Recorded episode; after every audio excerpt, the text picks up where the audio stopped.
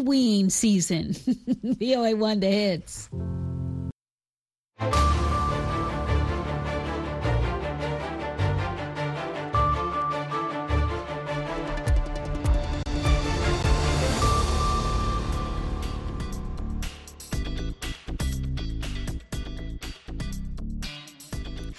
Halkani waa washington laanta afka soomaaliga idaacadda v o eda oo si toos uga dhagaysanaysaan mawjadaha gaagaaban efemyada geeska afrika iyo caalamka oo dhan ood nagala socotaan boggan internetka ee v o a somaly com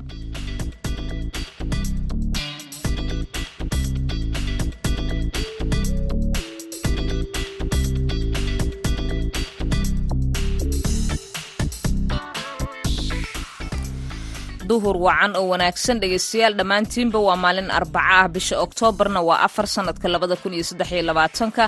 Waxaad naga dhagaysanaysaan afrikada bari xaggiina waa koodii iyo barkii duhurnimo. Barnaamijkeena duhurnimo ee maanta oo idinla socodsiinaysa anigoo ah sahra cabdi axmed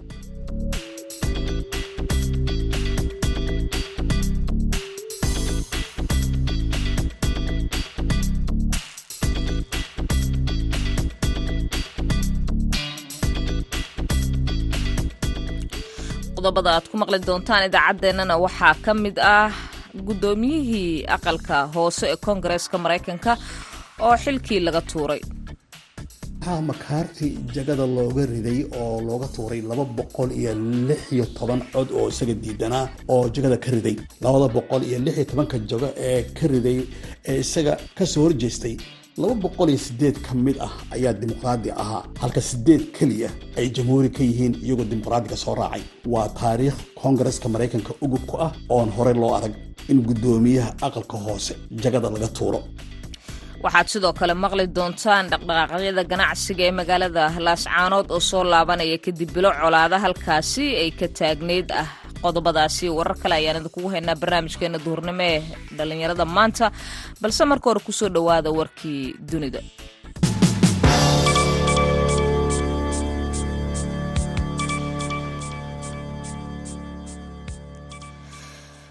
Aqalka wakiilada maraykanka ayaa jagadii ka xayuubiyey guddoomiyihii aqalkaasi kevin mccarthy oo ka tirsanaa xisbiga jamhuuriga islamarkaasina tan iyo markii la doortay golaha ku hogaaminayay aqlabiyad kooban. Xilka qaadista mccarthy ayaa waxaa sabab u ahaa kadib markii ay ka hor yimaadeen xubnaha mayalka adag ee midigta fog ee xisbiga jamhuuriga oo hormuud u ahaa matt grasty.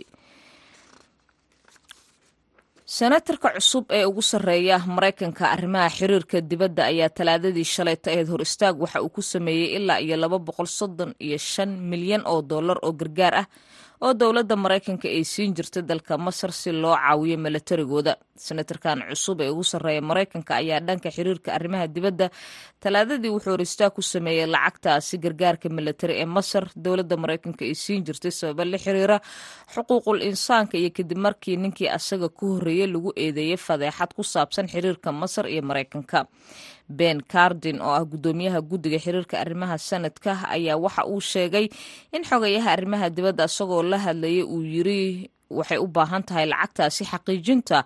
Arrimaha horumarka laga sameeya xuquuqul insaanka dalkaasi maraykanka ayaa si dhow isha ugu haya shixnadaha saliidda cayriin ee ruushka ee dhowaan ku soo kordhay dekadda shiinaha ee iyadu marta jidka waqooyiga taasi oo calaamad u ah korarka iskaashiga xiriir ee ka dhexeeya beijing iyo moscow arrimka marka ay timaadana gobolka artiga iyada oo ruushkana uu wajahayo cunaqabateynta reer galbeedka ee ku salaysan duulaankooda ka dhanka duulaanka ay ku qaadeen dalkaasi ukraine. Ma jiro qof halkaasi colaad ka raadinaya. Waxaa tan ay daliil u tahay in si dhow ay u yeelanayaan wadaxaajood john kibry ayaa waxa uu sheegay iskuduwaha arrimaha amniga ee maraykanka ee isgaarsiinta isagoo talaadadii la hadlayay wariyaasha in uu jiro xiriir dhow oo u dhexeeya ruushka iyo shiinaha taasi oo walwalkeedana leh. Warkii dunidana dhegeystayaal waa naga intaa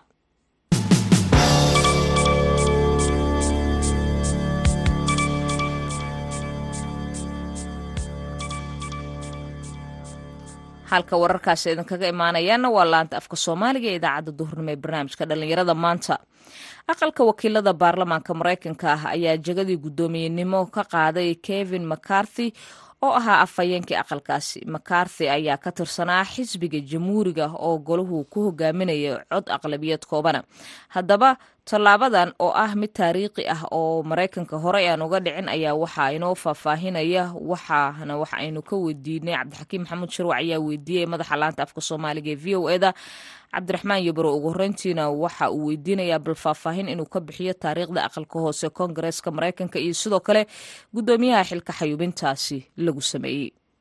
Cabdixakiimow guddoonka aqalka hoose ee koongareska waxaa la aasaasay sannadkii kun toddoba boqol iyo sagaaliyo siddeetankii. Waa muddo haatan laga joogo laba boqol iyo afar iyo soddon sano. Intii xafiiskaasi uu jiray waxaa soo maray shan iyo konton guddoomiye oo ugu dambeeyey kevin makafiga xalito bannaanka la dhigay. Labiiyo soddon ka mid a shan iyo kontonkaasi guddoomiye dhowr jeer ayay guddoomiyenimada qabteen oo iyagu hal mar keliya kuma tegin. Makafi waxa uu dhashay bishii januari lix iyo labaatankeedii sannadkii kun sagaal boqol shan lixdankii waa siddeed iyo konton jir. Kevin macarthy waxa uu ahaa guddoomiyihii kontonii shanaad ee aqalka koongareska ka soo taliya. Degmada saddex iyo labaatanaad ee walaayadda california ayuu koongareska ka soo galaa. Bilowgii markii jamhuurigu ay aqlabiyadda yar ay ku guulaysteen makarsi si dirqi ah ayuu hoggaan ku qabtay kadib markii shan iyo toban wareeg oo doorasho ah uu ku soo baxay akhritaankii cabdixakiimow aqalka koongareska ninka hoggaanka u qabta waa jegada saddexaad ee ugu sarraysa dalka maraykanka oo haddii madaxweynaha iyo madaxweyne ku-xigeenku sababo uun qaarkood ay u maqnaadaan ama ay saaxadda siyaasadda uga baxaan waa qofka dalka hogaamin lahaa oo waddanka xukumaya. Waa hagaag. Cabdiraxmaan sida aynu wada ogsoonnahay haatan aqlabiyadda aqalka hoose ee baarlamaankan waddanka maraykanka waxaa haysta xisbiga jamhuuriga oo kevin macarthy uu ka tirsan yahay. Siday wax u dhaceen xisbigiisaa ka soo horjeestay? Cabdixakiim golaha hoose ee koongareska maraykanku waxa uu haatan ka kooban yahay afar boqol iyo shan iyo soddon xubnood. Jamhuurigu waxa uu haatan leeyahay laba boqol iyo koob iyo labaatan halka dimuqraadiguna ka haysto laba boqol iyo labiyo toban oo wadartoodu isku geyn ahaan ay noqonayso afar boqol iyo saddex iyo soddon halka laba jagana ay ka bannaan tahay. Haddaanse u soo noqdo su'aashaadii ahayd sidee wax u dhaceen? Ma xisbigiisa ayaa ka soo horjeestay? Jawaabtu waa haa waxaa makaarti jagada looga riday oo looga tuuray laba boqol iyo lix iyo toban cod oo isaga diidanaa oo jagada ka riday. Halka laba boqol iyo toban isaga ay u hiliyeen labada boqol iyo lix iyo tobanka jago ee ka riday ee isaga ka soo horjeestay laba boqol iyo siddeed ka mid ah ayaa dimuqraadi ahaa halka siddeed keliya ay jamhuuri ka yihiin iyagoo dimuqraadiga soo raacay. Cabdixakiimow waa taariikh koongareska maraykanka ugub ku ah oon horey loo arag in guddoomiyaha aqalka hoose jagada laga tuuro. Haddii aynu soo koobno cabdiraxmaan maxaa lagu maagay oo keenay in guddoomiyahan aqalka hoose koongareska maraykanka jagadan sidaa u culus laga tuuro gaar ahaanna xubnaha xisbiga jamhuuriga ee ay isku xisbiga yihiin maxay iyagu dhibsadeena keenay inay xisbigii dimuqraadiga ee ay iska soo horjeedaan ay ku biiraan? Cabdixakiimo waxaan is leeyahay su'aashaasi waa halbowlaha ku jira waraysiga kan.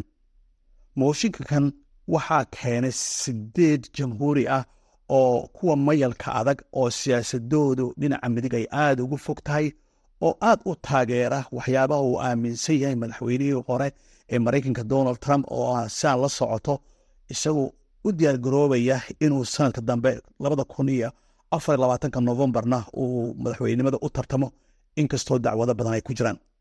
Haddaba maxay kuwaasi ay isaga u taageersan yihiin? Waa su'aal kale laakiin waxa ay ka xanaaqeen oo ay ku raaceen donald trump mabdigiisii ahaa in dowladda aan loo codeynin codkii bishii sebtembar soddonkeedii la siiyey ee uu makaarti horseedka ka ahaa ee uu u kaashaday dimuqraadiga si aan dowladda afka dhulka loogu gelin oo mushaaraadkii la siinayay shaqaalaha gaar ahaan askarta iyo wixii la halmaala ee dowladda u shaqeeya ay mushaarkooda ugu sii socdaan oo ahayd arrin ay qolooyinka mayalka adag ee siyaasadooda dhinaca midig ay aada ugu fog tahay oo sideedan ay ka mid yihiin ay aada uga xanaaqeen ee isla markaasba axadiina soo dhaaftay ay ku cagajugleeyeen inaanu isagu sii waari doonin oonad aragto in haatan ay u hirgashatoodii marka waxaa isweydiinaysaa dimuqraadiga haddiiba iyaga dartooda uu u dhintay oo uu iyaga ugu hiiliyay dowladdeeda furitaankeeda ay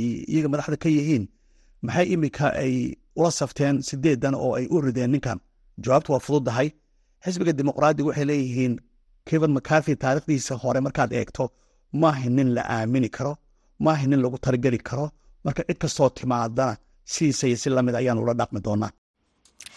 Kaasi waxa uu ahaa madaxa laanta afka soomaaliga ee idaacadda v o eda cabdiraxmaan yabarow oo uga waramaya cabdixakiim maxamuud shirwac xilka qaadistii afhayeenkii aqalka wakiilada maraykanka kevin macartin lagu sameeyey gelankii dambe ee shalayto halkaasi aad ka dhegeysaneyseenna waa washington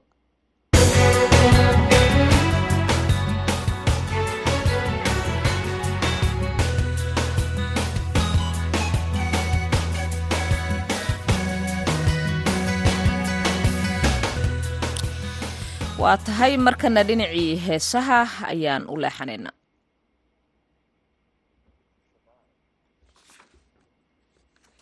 halkaasi aad naga dhegeysanaysaan waa washington dhegeystayaal. Waxaad la socotaan laanta afka soomaaliga ee idaacadda v o eda koldhow waxaad maqli doontaan qodobo dhowra oo idinku soo socda. Bismillahi waa laanta v o eda aad iyo aad aad umahadsantiin dhammaan agaasimayaasha iyo madaxda sasare badinayaasha dhammaantood waa idiin mahad celinaya sida aad wada ogsoon tihiin waa degmada macabel meesha laidka jembilow ayuu nimankaas waxay noqotay meel westigii leeyahay waa in muddo ay ka jirtaa marxalada ayaga oo mataqaanaa qoladan khawaariijta aan kula dagaalamaynay. Sida aad maqasheen laba maalin ka hor waxaana soo gaaray taliyihii lugta. Waxaana soo gaaray taliyihii qaybta labaatan iyo toddobaad. Waa militariga soomaaliya iyo ciidamada deegaanka oo isgarabsanaya ayaa mataqaanaa howlgalkaas waday ciidamada admisne qeybbay ayaguna mataqaanaa ka ahaayeen. Waa waxay ahaaday meel oo kaynahoo howdahoo ciidamo ayna geli karin oo mataqaanaa xirxiran. Laba irid keliya laga geli karo weli waxa waayay waa soo afjarnaan dhihi karnaa laakiin waxa waayay daqiiqadaha ugu dambeeya ayaan rajeynaa afjarkaynu afjarkeedu inuu mataqaanaa ay soo gabangabeyno marka guddoomiye maxaa intaas ay u qaadatay in howlgallada noocan oo kalea dadka meesha ku jira miya aan la garanayn tiradooda ma arrimo kale oo farsamaa jiray? Sidee bay wax u dhaceen? Hadda xaaladda warkii ugu dambeeyey markaadna siiso waa la garanaya aad aad aad umahadsanta waa su'aal aada muhiim u ah oo mataqaanaa muddada saddexda toddobaad ku dhadhow oo nimanka meesha aan ku doodominay oo aan dhinacaha uga fadhino waxay noqon kartaa maxaa kalifa su'aasha in intaas ay qaadato waa wax su'aal aada muhiim oo la isweydiinayo balse nimanka khawaariijta waa niman khubaraa kuwii oo mataqaanaa soomaaliya ugu adadkay qoladii oo mataqaanaa in ay ayagu dhintaan mooye inay noolaadaan go'aankooda uunan haynin waaye. Waa meel kayna oo godad ay ka qoteen nin walbaba god a u qodan oo ku dhex jira. Haddii waa la duqaynaa la yidhaha in ay duqaynta ay cuslaato haddii lugta la yidhaha in lagu galane irdaha aynu ka gelayna waa saddex irid kaliya oo mataqaanaa laba qof aysan isku reed mari karin. Marka taasaa koosgaraysay ay cuslaato waa niman tiradoodu ay aada u badan tahay insha allahu tacaala laakin waxa waaye waxaa ka tiro badan ka awood badan dowladda soomaaliyeed iyo ciidamada dib u xoreynta mataqaanaa waxaan rajaynaane saacadaha ugu soo dhadhow oo hadda sooda lagu soo hayo inuu soo dhadhoobi doono dagaalkaasu guushuna waa boqol kiiba sagaashan iyo shan. Waa haynaa guushuna waa shacbiga iyo dowladooda ayaa guusha iskale guddoomiye saalax waxaad ka dhawaajisay tirada tirada inay aada u badan tahay. Tiradooda rasmi ahaan inta ay gaarsiisan tahay ama aad ku qiyaasaysaan waa intee? Tiradooda saxdaa ma hayno laakiin tirada ay ugu dadhow oo mataqaanaa lagu qiyaaso waa saddex boqol ilaa ilaa afar boqol. Marka saddexdaa boqol ilaa afartaa boqol dagaalyahan aad sheegaysa in deegaankaasi ay ku jiraan dhammaantooda ma gobolka ay ka yimaadeen mise kuwo kale oo gurmada oo gobolo kale ka yimid ayaa jira? Sidaad wararka ku haysaan? Maya wa waxaa hogaaminayo ragga hogaaminayo waa rag u dhasha gobolka kala duwan leh. Sida badan waxay ka imaadeen dhanka iyo mataqaanaa jubbada dhexe iyo meelahaas xawaariijta ay u badnaayeen waqtiyadan dambeeyey iyo koonfur galbeed xigto waxaana waayay cid hadda aynu anagu aan leenahay gobol hebel ay ka migeeno geeniyo ma jirto waa khawaariij khawaariijtana waa mataqaanaa kuwa madaxweynaha federaalka oo tuutaa u gashay waayo oo furunta dagaalka ugu taagan yahay. Meel ka migeeno ma jirto. Waa qaybaha laakiin hogaaminaya waxaa ku jira dad deegaanka u dhashay oo dhunta si u kala yaqaano.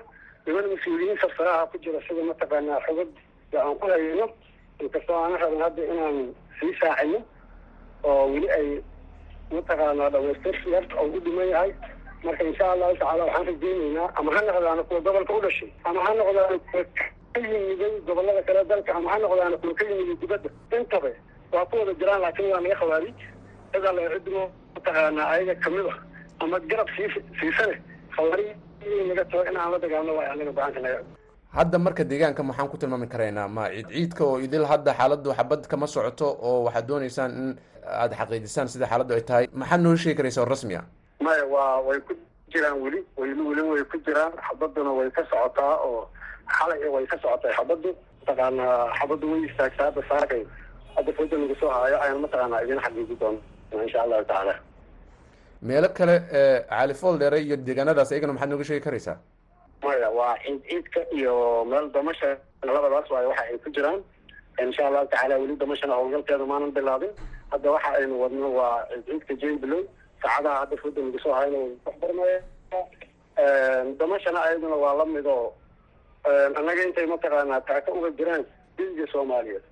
Kama hari doono insha allahu tacaala dhammaanna waa la la dagaalamayna waana ku guuleysan doonaa insha allah howlgalkan waxaa mataqaanaa hogaaminayo ciidamada xooga dalka soomaaliyeed. Waxaa qeybka ah ciidamada macawisliga oo deegaan. Waxaa qeybka oo ku soo biira mardhow ciidamada abnis oo dhanka duqeynta ah insha allahu tacaala waxaa waaye dhammaan meel hadda fiican oo wanaagsan bay maraysaa wayna soo afjarmaysaa waxaan rabaa mataqaanaa inaan fursadan uga faa'iideysto qaaliga ayadani shacbiga degmada mahadaay inay ka digtoonaadaan khawaariijta oo aysan ku kaatoomin. Midkii mataqaanaa aynu aragno inuu garab siinaayo ama uu mataqaanaa xiriir la samaynayo ama uu mataqaanaa dhaqaalaha ay ugu yeeraan sakawaadka ou siinaayana inuu ayaga uu la mid yahay.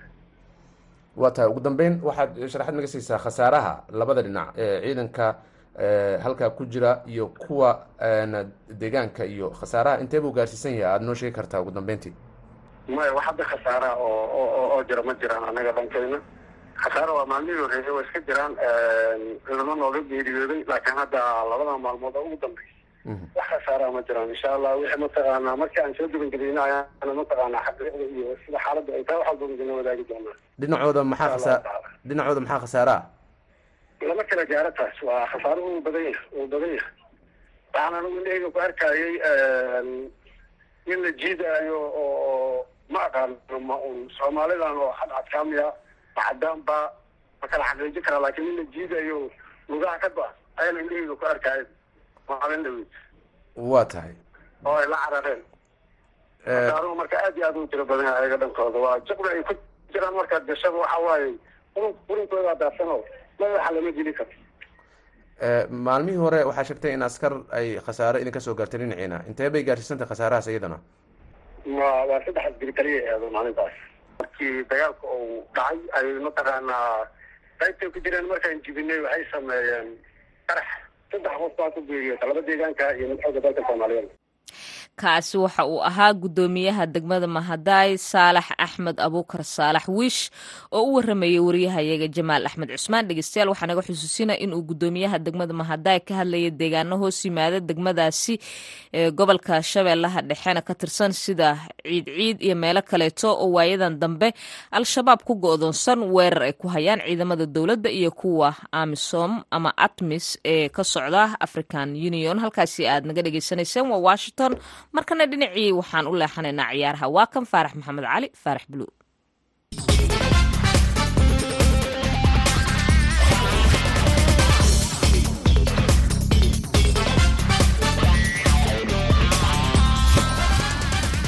kuna wanaagsan dhegeystayaal dhammaantiinba kuna soo dhowaada xubinta ciyaaraha. Guud ahaanba waxaynu barnaamijka ku falanqaynaynaa koobka kooxaha qaaradda yurub ee champions leaga waa habeenkii xalay ahaa guuldarrooyin lama filaana ay dhaceen oo kooxo waaweyn dhegta dhiiga loo daray kooxda kubadda cagta ee arsenaal oo booqanaysay waddanka faransiiska kooxda kubadda cagta lens ayaa waxaa lagu soo dhuftay laba gool iyo hal.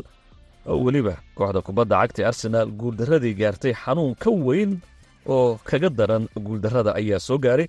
Barnaamijka ayaad ku maqli doontaan kooxda kubadda cagta ee b s v dahoban labiyo labo ayay barbaro la gashay kooxda kubadda cagta ee saviya manchester unitedna. Gurigeeda lagu gebagabeeyey oo galatasaray ayaa saddex gool iyo laba kaga adkaatay. Real madrid guul laba filaan ayay ka soo qaadatay kooxda kubadda cagta ee napoli oo laba gool iyo saddex. Kooxda kubadda cagta ee real madrid ayaa ku badisay ciyaaryahan valverde ayaana madfac ka dhaliyey kooxda kubadda cagta ee napoli. Manchester united guuldaradan soo gaaraysa ayaa ah tan ugu hadal haynta badan maadaama gurigeeda lagu dardaray ferdinand warbaahinta la hadlayna waxa uu ku tilmaamay guuldarrada manchester soo gaartay inay tahay madi rooti la dhex geliyey oo kale. Waxa uuna muujinayey sida ay u dabacday kooxda kubadda cagta ee manchester united. Cabdifitaax shabalaala oo ciyaaraha falanqeeya ayaa barnaamijka marti ku ah. Cabdifitaax maxaa ku dhacay manchester united ugu wacan guuldarrada soo gaarta runtii manchester united sanadkan bilowasho fiican maysan helin xaalad xun ayay ku soo gashay waxaa la leeyahay sanadka hore aad uga fiicnaayeen laakiin hadda waxaa la leeyahay toban kulan oo ay ciyaareen tartamada dhan marka la isku daro lix ka mida way guuldareyseen afar ayay guuleysteen. Marka xaaladaas xun laakiin markaad eegto kulankan gurigooday ku ciyaarayeen manchester united waxaad moodaa in indhaha taageerayaashii kuwa baahintuba ay isha si goone ugu hayeen. Galatasaray marka la eego sida ay horyaalka ku bilowday na koox guriga manchester inay ku badin karayso la filaya ma ahayn. Maxaa dhacay? Aad iyo aad su'aasha isweydiinta mudana waxay tahay markii bayr munug gurigeeda ahaatid champions league muddo kugu dambeysay bayr munug gurigeeda aad guuldaro ka soo waxaa masdi ah oo guuldaradaas lagu qaboojiyaa maadaama champions league uu yahay lix kulan oo mar walbaba aad dib ka bixi kartid. Laakiin kuwa kugu horreeya gurigaaga waa inaad ku cadaysaa champions league inaa kalantiinaas soo baxdid ama kooxda kooxda labaad oo aad badisay taasaa lagaga filayay waxaana kaloo la yaab noqotay mascadow in galatasaray oo good side ahayn. Ma fiicnaa la leeyahay galatasaray sida hadda ka dhawaajisay inay old trafford saas ugu ciyaarto kubad fiican kuna badiso. Waa wax lala yaabay. Waa gartay laba kulan ayay lumisay manchester united oo halkaasi lix dhibcood ayay ku weysay fursad ma haysataa ay ku soo bixi karto oo gruubkan kaga soo gudbi karto runtii fursadda ugu horeysa waxay tahay marka champions league kulanka koowaad markaa ciyaartid kulanka labaad koox ka duwan la ciyaartid labada kulanka saddexaad iyo afraad hal koox wa waa koox dhigan kooxda denmark aan jeclaa inay tahay. Ayay back to back waxaa la dhaho home iyo arkaya marka waa inay lixdaas boonti qaadataa. Hadda kooxa kale sida arsenal oo kale oo saddex boonti wadato back to back waxay is arkayaan sevilla. Laakiin hal kulan hadday qaadato waa rajo fiican laakiin markaa manchester united oo kaleto diira aad tahay back to back lixda boontiba waa ku kasban tahay uman iyagana waxay la ciyaartay kubad adag ayaa xalay la ciyaartay baarlo marka marka manchester geerideeda iyo nolosheeda waxay ku xiran tahay dhibcaha f c copenhagen labadii kaa soo badiyey inta kaa la sii garin karto kulamadooda kale adoon dhibca badan way waa tahay dhinaca kale kooxda kubadda cagta arsenal waa laga diirtay oo faransiiska ay booqatay kooxda lens labiyo halaa lagaga soo guulaystay laakiin guuldarrada waxaa kaga daran ciyaaryahan saaka lafdhabarka kooxda kubadda cagta arsenal ayaa dhaawac soo gaaray. Arsenaalna kulanka soo aadan manchester city ayay la ciyaaraysa ka maqnaanshaha xidigaas iyo dhaawaca soo gaaray. Dhibaato intee laga arsenal gaarsiinaysa. Aad iyo aad dhibaato weyn waaye. Saaka waa ciyaartooyga kaliya ee labada sanaadii ugu dambeysay la tusay levelka sare. Marka lagu dhahayo levelka sare waxa inaad kubadda ku kalsoon tahay kubadda lugtaada wadatid inaad dhulka ku jabsan kartid waa geesi waa ciyaartooy dhaqaaq leh waa gooldhalaye waa rigoora lagu helaa. Waa difaac ceybsaday waxyaabo badan oo isku jiro wataa oo indhaha markaa ka aragtid marka aad iyo aad dhaawac ugu weyn waa inaad man city oo tiimkaa koobka ku haysatay yahay. Saaka la'aan tahay aniga ma aqaanin booskaas qofka geli doona maalin maalin ciyaartooy kalenta booskaas kalenta xarakeyn way dhici kartaa laakiin bakrinta ay saaka ka qabaan oo difaacyada tareegooda uusan weerar maasiti u aadi jirin meeshay ka baxda waa tahay e, ciyaaryahan saaka ee labadii kulan ee ka horreysay kulankii xalay ee ciyaartay arsenaal waxaa muuqanaysay in aanu boqolkiiba boqol ahayn oo aad moodaysay inuu dhaawacyo fudud qabay. Maxaa ku xambaaray macal arteta isagu kulamadaas adag ay ku soo fool leeyihiin ciyaaryahanno badan ay ka dhaawaceen sida mataneli oo kale oo garabka kale ninkii ka ciyaaraya in haddana uu saaka ku khamaaro kulan ee laga soo badiyeyba oo hadda ee, laba khasaaraba uu ku jiro. Runtii waa khalad uu sameeyey macalin arteta. Inkastoo aan fahmi karo hamiyadda champions league uu siinaayo maadaama premier league dheeryahay haddana ciyaartooy ciyaartii hore dhaawac ku baxay hoom hadday tahay marmar waa lagu soo bilaabaa oo isla magaaladaada aad joogtid. Laakiin awey farcoon faransa tag ku bilaab adigoo mancity kulanka ugu weynaa oo dreamkaaga ahaa inaa mancity ka raacdid sannadkii la soo dhaafana howyaa saddex kulan kaa guuleysatay howyaa weyeeta kaa kaa reebtay. In micnaha ciyaartaas niis uu ka doorto wax lala yaabay noqoto marka midda kale waxaa meesha ku imaanayso ciyaartooygii oo dhaawaca ku hubtid waa culeys kale oo daa'ina siisaan Right. marmar waxaa laga fikiraa ciyaartooydaas afka hore ugu khatarsan. Ayagoo aadan dhaawac ku ogeyn aa kulankaas maasiti loo dhigtaa. Tan waxaa khaladka ku sii caddeynaya arteta ciyaartooyga ciyaarta ugu dambaysa dhaawac waaya aad baad umahadsantahay la arki doone toddobaadka soo aadan manchester city iyo arsenal waxaa kala qabsaday haddii ciyaaryahan saaka uu dhaawacaasi ka soo kabsado. Kulamada adag ee sida weyn caawa u dhacaya ciyaaraha champions league isha sida weyn lagu hayo. Waxaa ka mid a brushia dortiman oo ac milan la ciyaaraysa gruupka geerida newcastle united. Waxaa gurigeeda ay kula ciyaaraysaa kooxda kubadda cagta ee b s g. Embabe iyo xertiisa ayaa soo booqan doona. Haddaba kulankaasi ma noqon doonaa mid ay b s g iska difaacdo kooxda kubadda cagta newcastle united rb leipzig. Waxay soo dhoweynaysaa manchester city. Dhegeystayaal xubinta ciyaarinta ku soo gabagabeynaya tan iyo kulan dambe waa mascad daliil ku dhaafaya sidaa iyo nooli kulan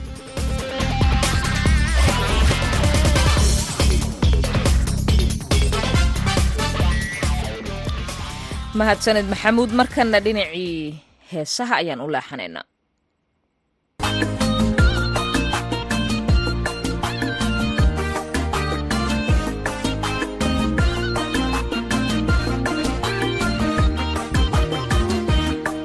kaajeesiyo mabaakayo ku joogsiye jamashadu badhaadhiyo waxay tahay janno kale qofku jecelaadoo jecel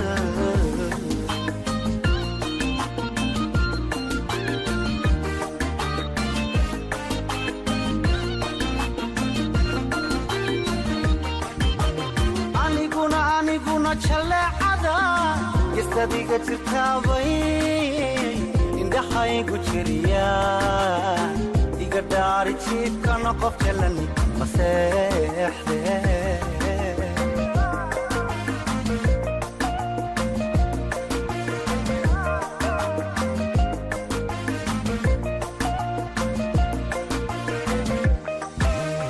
aniguna aniguna jaleecada gastadiga jirtaabay indhaxaygu jeriya iga dhaari jiifkana qof jelani maseexde